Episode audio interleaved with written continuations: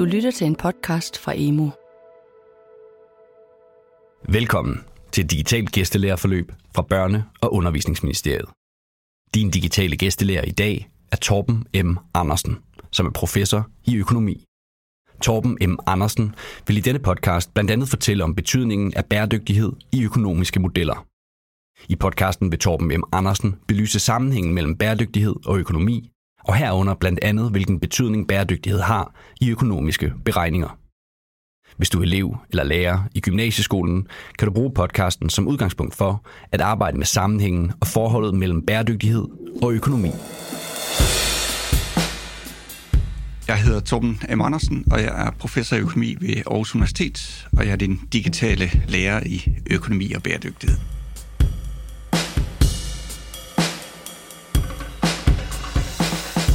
Jamen, jeg har altid været meget interesseret i øh, samfundsforhold og samfundsudvikling og, og også politik. I skoletiden var jeg meget glad for, for matematik, og derfor øh, havnede jeg så på økonomistudiet, som øh, gav mig mulighed for at kombinere begge ting. Økonomi handler jo om at prioritere øh, og lave analyser, og der bruger vi rigtig meget matematik. Men det handler jo også om, hvad der sker ude i virkeligheden. Både at forstå, øh, hvad der er forandringer i samfundet, men også at forstå, hvad det politikerne kan og skal gøre for at, at påvirke den udvikling og få det i en ønsket retning.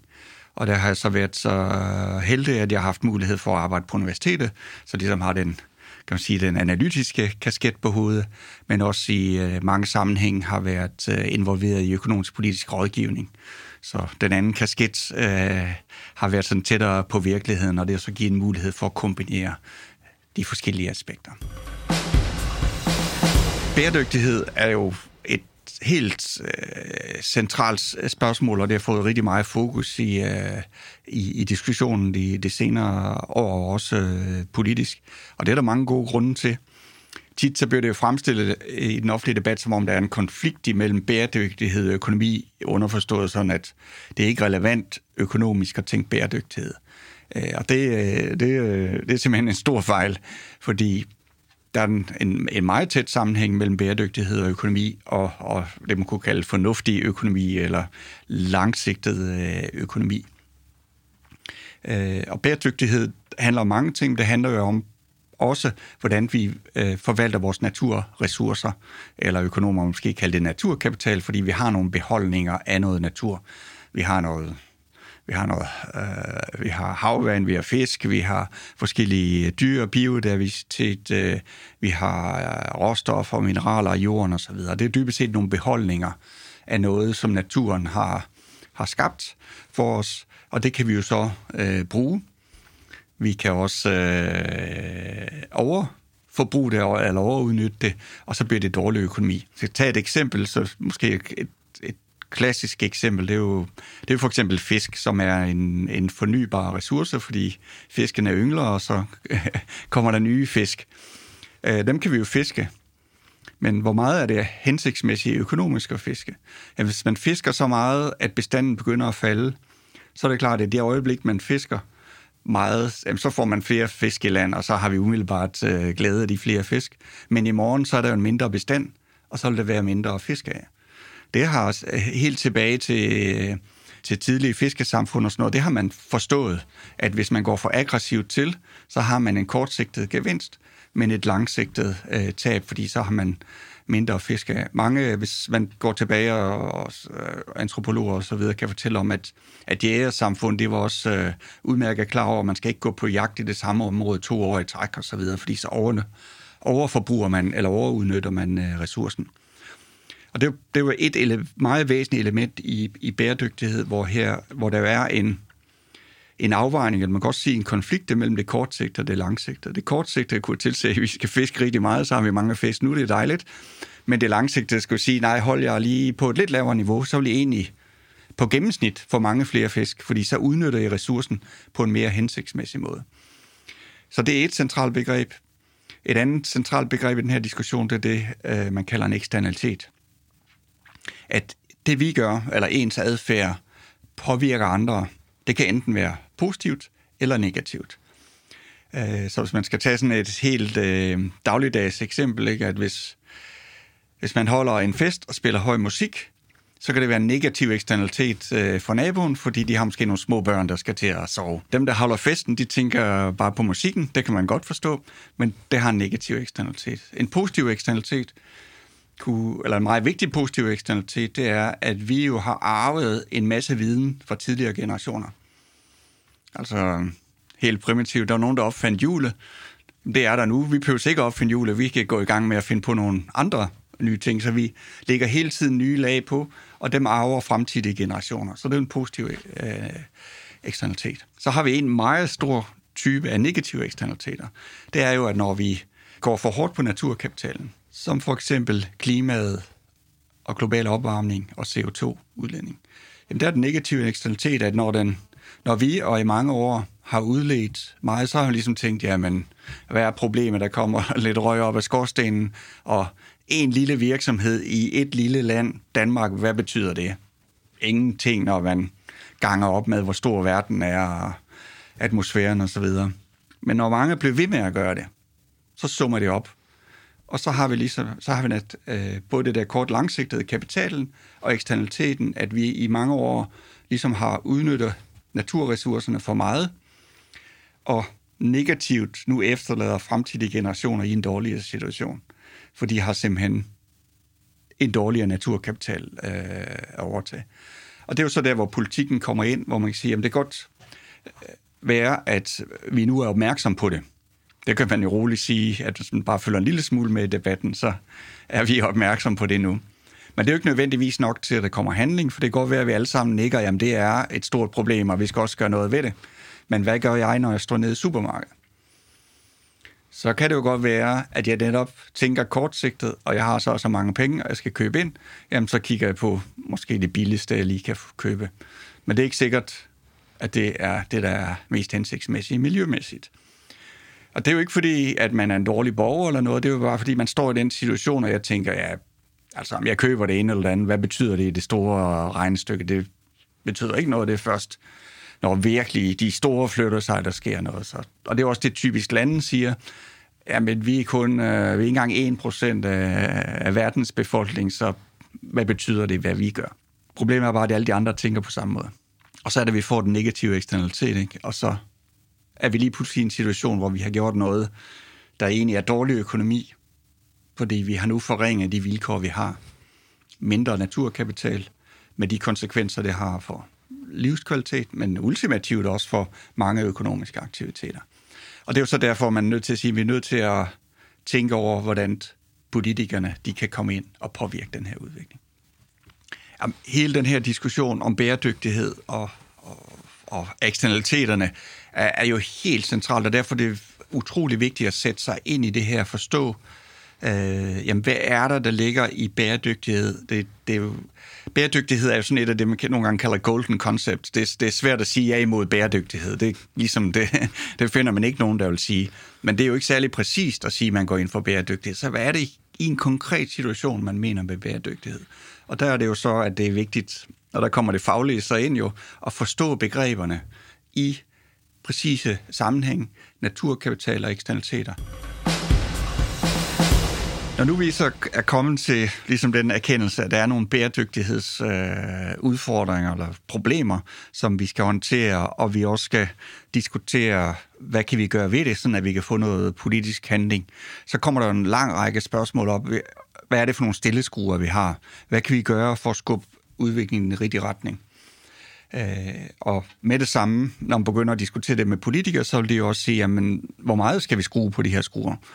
Og også hvis, lad os nu tage et meget konkret eksempel, øh, i forhold til klima, så er et af de store forslag, det er jo, skal man, skal man lave en, en CO2-skat? Altså simpelthen sige, vi og, og det er sådan øh, noget, økonomer også øh, typisk vil anbefale, at vi har den der eksternalitet. Vi bruger en ressource, som vi eller ja, som forbruger og virksomhed, vi forbruger en ressource, som vi sådan set ikke betaler for, men fremtidige generationer de står så i en dårligere situation. Så hvis man kommer ind og ligesom at, at lægge en pris, en skat på CO2, jamen så kan man jo få folk til at tænke over de her ting, og så skubber man forbruget væk fra det der CO2-belastende. Enten fordi man substituerer over på noget andet, altså vælger at købe noget andet, eller også fordi man tænker, hmm, hvis vi producerer det her med stor CO2-belastning, så har det store omkostninger, hvis vi tager den her skat. Så er det måske nu, vi skal tænke over, om vi kan finde en anden måde at gøre det her på, eller bede nogle øh, genier om at udvikle ny teknologi, vi kan bruge, så vi kan gøre det mindre belastende. Elbiler og alverden, det er jo eksempler på alle de der ting. Ikke? Så der kommer de der konkrete spørgsmål, som oven i købet så får et ekstra lag af kompleksitet. Fordi lad os nu tage CO2-skatten, ikke? så siger vi, at vi overvejer at indføre CO2-skatten, og det vil have de, de effekter på CO2-udledningerne.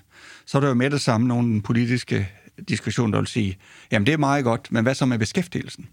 Er der ikke nogen danske virksomheder, der mister konkurrenceevne, og så har vi ingen job, så det går ved, at vi får løst et problem, men så har vi skabt et andet problem. Og det er selvfølgelig det er et meget godt spørgsmål, men det er også et det, der kan være en politisk øh, vejspær for, at man gør noget, for ligesom siger, jamen, vi kan ikke acceptere, at folk bliver arbejdsløse. Det, og det vil også måske være urimeligt, at der er nogen, der mister deres job på bekostning af noget, der kommer os alle sammen eller fremtidige generationer til, øh, til gode. Så lige pludselig er der rigtig mange ting i spil, hvor vi skal have styr på de her sammenhæng, men også kunne svare på spørgsmål fra politikerne, jamen, hvor mange jobs bliver påvirket? Og det jobs i dag eller i morgen, osv. Så er det modellerne, kommer øh, ind i billedet, fordi modeller har sådan set to funktioner. Det er jo præcis der, hvor modeller så kommer ind i billedet, fordi modeller kan dybest set to ting. Det ene, det er, at, at og, og nu snakker jeg om matematiske modeller, ikke? Det, det er et præcist sprog.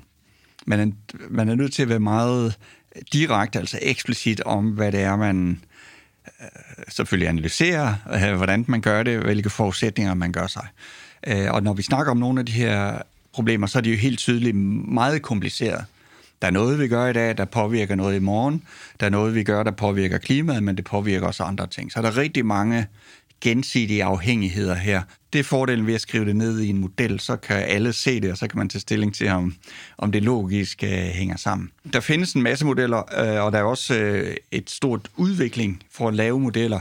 Øh, altså modelbrug har jo været i mange år, men man kan så sige, at det har også haltet lidt efter med at have øh, det her naturaspekt inden, og det er man så nu i, øh, i gang med.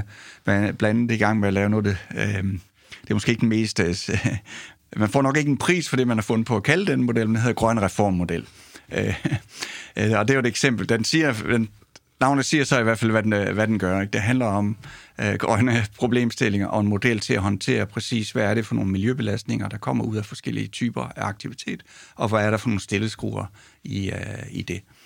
Og hvis man læser mere om det, så kan man både øh, se inde på det økonomiske råds øh, hjemmeside, øh, som hedder dors.dk, øh, øh, og det er vismændene, det økonomiske råd, de udgiver øh, en gang om året en rapport, der hedder Økonomi og Miljø. Og der kan man så også regne ud, hvad den handler om. Øh, men den er, det, er godt, det er en god indgang til at se nogle eksempler på nogle øh, miljøproblemer, der bliver analyseret ud fra en økonomisk øh, vinkel, og man kan se nogle, ja, nogle analyser, der også øh, bruger nogle, øh, eller, eller baseret på nogle modelanalyser. Så det er også en lille guldgruppe, hvis man skriver opgave, at man kan, kan finde nogle, nogle gode gode øh, inputs øh, der. Der findes også i Danmark en modelinstitution, som hedder Dream Model, dreammodel.dk, øh, og det kan man selvfølgelig også gå ind på den hjemmeside og se forskellige øh, typer af, af modeller, hvis man vil gå lidt dybere ned i, øh, i modeldelen. Så der sker rigtig meget på det område, Øh, men det er også en læringsproces. Vi bliver hele tiden dygtigere øh, og forstår nogle ting øh, bedre. Så det er jo ikke sådan, at man laver en model en gang for alle, og så siger man, nu har vi den her model. Det bygger selvfølgelig hele tiden videre oven på det, man har, men der, der kommer hele tiden øh, ny viden til. Så det var den ene del af, af modellen, det var konsistensen. Og den anden, det er så kvantificering. Altså man kan sætte tal på, når politikerne spørger, hvor mange jobs er i spil her, så kan man svare på det. Øh, man kan også lave øh, fremskrivninger. Altså, modeller bliver brugt rigtig meget. Hele klimadiskussionen er baseret på modelfremskrivning, at temperaturen vil stige så og så meget, når vi kigger frem til 2040 eller 50. Eller når vi lytter til en daglig vejrudsigt, så er det dybere set også en modelberegning. Så man kan lave prognoser. Man kan også lave hvad nu hvis spørgsmål. Altså, hvad nu hvis vi indfører en CO2-afgift? Hvad sker der så? Så, så derfor er det et øh, utroligt vigtigt instrument eller redskab for at, at komme dybere ned i de her diskussioner og netop øh, blive konkret både på at forstå problemerne, men også at øh, se mulige øh, ting, man kan gøre, og de effekter, der. Det er meget svært at sige, hvornår bæredygtighed sådan for alvor er blevet et, et stort dagsordenspunkt. Det, det er jo ligesom været en proces. Det har været en proces øh, politisk. Det har også været en proces øh, fagligt. Men det er jo også sådan, det, det ville være fuldstændig forkert, hvis jeg her stod, stod og sagde, jamen Øh, bæredygtighedsaspekterne, de har ikke været diskuteret fagligt tidligere, for det har de. Og det går helt øh, tilbage til, til, til meget øh, tidlig tænkning, Adam Smith og andre, der kom efter, som jo havde forståelse for øh, det med horisonten, kort og lang sigt, og betydningen af altså beholdninger, forskellige typer af, af kapital øh, forvaltning af for eksempel fornybare ressourcer, fiskene vi snakkede om tidligere, jamen der kan man finde langt, langt tilbage øh, det analytiske grundlag for det. Så er der selvfølgelig sket en udvikling, vi er blevet klogere osv. Det er jo også et eksempel på, at vi bygger på noget viden, der er nogle andre, der har lavet tidligere, men den, så det er et vigtigt øh, fundament, men det er bare ikke, vi kan bare ikke nøjes med det, fordi vi dels er blevet klogere på nogle effekter, men samfundet i dag ser jo også anderledes ud, end det gjorde for 40-50 år siden, og derfor er vi nødt til også forskningsmæssigt analytisk at indrette os på øh, den udvikling, der sker der. Og den bør så også påvirke af den politik, vi fører. Når vi i dag lægger så meget vægt på bæredygtighed, og i forhold til, hvad man gjorde tidligere, så kan man, man siger, der, der er sådan set to grunde til det. Den ene, det er, at vi måske tidligere ikke helt forstod alle de konsekvenserne af det, vi rendte rundt og lavede, og den belastning, der vil være på klima og så videre. Hvis man går tilbage og læser ting, der bliver skrevet for 30-40 år siden, så var det jo ikke, fordi man ikke diskuterede miljø og så videre, men de der øh, klimabelastningsting, der havde man måske ikke helt øh, forstået, eller i hvert fald forstået tyngden i dem, og havde mere fokus på for eksempel vandforurening og den slags ting. Ikke fordi det ikke er vigtigt, men der er ligesom et, et andet aspekt, mere globalt, mere langsigtet aspekt. Og det er jo den anden ting, der ligger i bæredygtighed, at det er også et spørgsmål om, øh, altså horisonten er utrolig vigtig, især når vi snakker klima, ikke? Fordi de ting, vi kan gøre i dag, eller i den nærmeste fremtid, for at, at påvirke de her ting, det vil man jo ikke kunne se effekter af før mange år frem i tiden. Så derfor ligger det også i hele den her diskussion at få politikken til at have større fokus på de langsigtede effekter, og ikke kun her og nu kortsigtede effekter. Og det er jo også en af de der helt centrale ting. Det er ret nemt at sige. Noget andet er, når politikerne i dagligdagen skal træffe beslutninger, er vi så sikre på, eller hvordan kan vi være sikre på, eller gøre noget for, at man så også får vægtet de her langsigtede øh, hensyn. Så, så det ligger jo rigtig meget i diskussionen at få flyttet lidt tyngde fra kun at tænke her og nu, til at tænke på, at det er også en, en dag i morgen eller i overmorgen, som det vi gør nu har store konsekvenser for. Hvis man ser på den politiske diskussion, både herhjemme og men også i de fleste andre lande, så og jeg, jeg stiller lidt sort videre op, så kan man sige, at vi er kommet længere med at stille målsætninger, end vi er kommet med at tage konkrete initiativer. Ikke at der ikke er taget konkrete initiativer, men trods alt øh, de store skridt er ikke taget endnu, og et af de store skridt, når vi snakker klima, det er jo spørgsmålet om, om der skal være en CO2-afgift. Øhm, det har der været øh, diskussion om nu i et øh, stykke tid. Der har været en, en række økonomer, både herhjemme og i udlandet, der har sagt, at man, det der er det mest effektive og samfundsøkonomiske bedste måde at håndtere det der på, det er at lægge en skat øh, på, så er man sikker på, at man får skubbet udviklingen i den rigtige retning. Øh, at begynde at lave reguleringer på det ene og det andet område, det er utrolig svært, og øh, virkelighedens kompleksitet gør, at det er meget svært at ramme rigtigt men skat.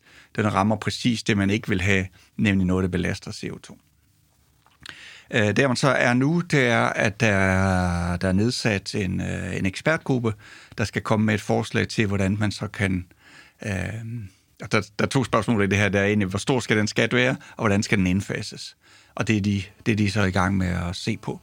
Og indfasningen, eller begge spørgsmål er selvfølgelig central.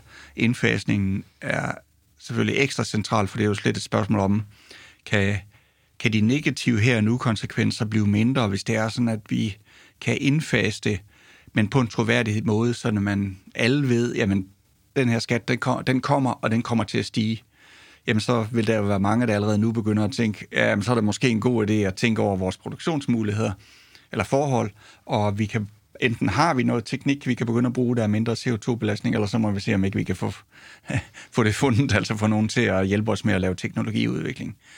Øh, så det er jo et stærkt argument i diskussionen. Det, der så også er bagsiden af det argument, det er, at det kan også være lidt fristende hele tiden at sige, at det er noget, vi gør i morgen. Og det kender vi godt fra vores dagligdag, at øh, vi kan have en tendens til at skubbe øh, nogle ting, måske de der ting, der er en lille smule øh, ubehagelige, det siger vi altid. Jeg synes, jeg skal gøre det. Det bliver ikke lige i dag, men i morgen, så starter jeg. Og gæt, hvad jeg tænker i morgen. Så det er også en del af, man kan sige, noget af den indsigt, der er fra, fra forskningen, ligesom siger, at det kan godt være de der underliggende argumenter for, at det, det er en god idé at indfaste, men så skal man sørge for, at man laver nogle regler og nogle institutioner, så man binder sig til masten. Så man ikke hver morgen kan sige, at det er i overmorgen, at øh, jeg begynder på det her. Et, et af de efter min mening meget stærke øh, nyere bidrag, der er kommet til hele sådan den, den faglige diskussion, men også at formidle øh, de faglige, det er øh, det, man kalder Dasgupta Review, som øh, Dasgupta, som er en økonom, har skrevet, og hvor han simpelthen tager de her store spørgsmål, de store dagsordner, og tager dem op, men også viser, hvordan man fagligt kan håndtere den. Hvad er det for nogle begreber, der ligger i den, i, i den diskussion, hvordan er begreberne er defineret, hvordan det er det, man kan sammentænke det med øh, altså samfundsvidenskab og samfundsøkonomi. Øh, hvor er de økonomiske aspekter i det? Øh, hvorfor er det ikke så enkelt, at det bare er en direkte konflikt mellem økonomi og bæredygtighed, men at det hænger sammen? Men også selvfølgelig, der er nogle politiske ønsker til en, en balance mellem det her bæredygtighed er vigtigere, men vi skal trods alt også leve i dag og så videre. Så der er en masse balancepunkter, som man skal håndtere i, øh, i det her, men hvor det er også, der er jo meget politik i det, og det er rigtig fint, men det er også vigtigt at være præcis faglig på, hvad vi diskuterer, fordi det er grundlaget for, at vi kan have en, en god diskussion, men det er også grundlaget for, at vi kan få truffet nogle fornuftige beslutninger. Og så er der også øh, en, øh, mange, der har kommenteret på det, hvor man kan finde nogle ting på, øh, på YouTube blandt andet. Så det er, det er en meget god øh, indgangsvinkel til, øh, til noget af det allernyeste på området. Bæredygtighed har mange underelementer. Ikke? Vi, har, vi kan snakke øh, på naturområdet, men selv på naturområdet, så kan man begynde at underopdele der. Er det klimaet, vi tænker på? Er det biodiversitet? Hvad er det, vi tænker på? Men der er også bæredygtighed, øh, for eksempel i forhold til befolkning, befolkningsudvikling, øh, og på mange andre områder. Så det kan man sige, det er så også det, der gør det et, et, et spændende emne, fordi der er mange øh, under emner eller aspekter knyttet til, øh, til bæredygtighed. Så er der selvfølgelig på naturområdet, så er der noget grundlæggende øh, biologi og naturvidenskab osv., som, som ligger til grund. Men, men det, der er jo interessant, og som gør, at jeg synes, det er rigtig interessant, det er, det, det er jo ikke kun øh, naturvidenskab, det er jo netop fordi, at der er en, en menneskelig påvirkning af de her ting, øh, som vi jo ikke kan fjerne, fordi vi skal jo leve, og der er nogle afvejninger der, men at forstå, hvordan det er, vores adfærd påvirker de her ting, og dermed også jo så arbejde med, hvordan det er det, vi kan få, få en bedre balance mellem de der forskellige hensyn. Og det er jo så også der, hvor det med at tænke langt kommer ind i det. Så der er rigtig, rigtig mange gode emner i det. Altså, hvis man skal samle lidt sammen på den her diskussion og ligesom få lidt, lidt overblik, hvad er det så, der er, er af hovedelementerne. Så er det ene, det er jo selvfølgelig i forhold til bæredygtighed, der er der et spørgsmål om beholdninger, altså naturkapital, og hvordan vi forvandler den kapital, fordi det er noget, vi efterlader til fremtidige generationer.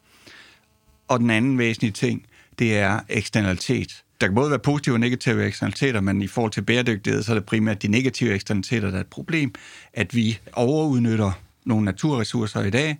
Øh, det kan så gøre, at vi får nogle her og nu gevinster, men det efterlader en dårligere situation for fremtidige generationer.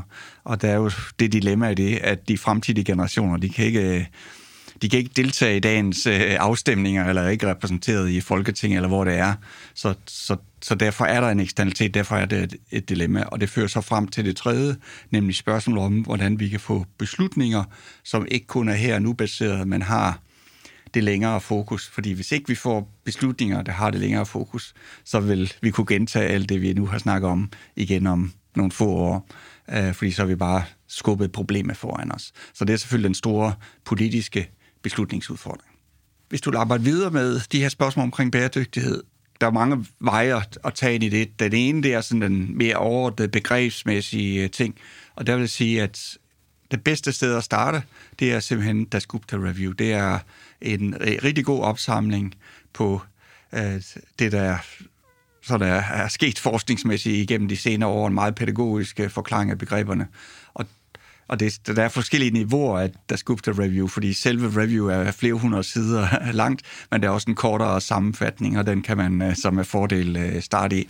Og man kan også finde nogle endnu kortere ting øh, derude. Hvis man, så det er en vej. Hvis man er meget konkret på nogle problemstillinger, som bliver diskuteret i Danmark, og som politikerne har på, øh, på bordet, så er den rapport fra det økonomiske råd, der hedder Økonomi og Miljø, et rigtig godt sted at starte. Der kommer en hvert år øh, og tager nogle forskellige øh, temaer op omkring øh, vandmiljø, forurening, landbruget osv. Så, øh, så der kan man finde nogle meget konkrete øh, temaer at, at, at tage fat i, og der er der øh, også henvisninger til, til anden litteratur omkring øh, de her emner. Du har lyttet til en podcast i Børne- og Undervisningsministeriets serie af digitale gæstelærerforløb. På emo.dk kan du finde en lærervejledning med inspiration til undervisning ud fra podcasten. Og du kan finde en lang række andre digitale gæstelærerforløb, både podcast og videoer. De digitale gæstelærerforløb rummer indhold til de fleste fag i grundskolen, erhvervsuddannelserne og i gymnasieskolen. Forløbene er produceret af Rambøl Management Consulting, via University College, Københavns Professionshøjskole, Syddansk Universitet, Operate og Heartbeats for Børne- og Undervisningsministeriet. Find forløbene og de næste digitale gæstelærer på emo.dk.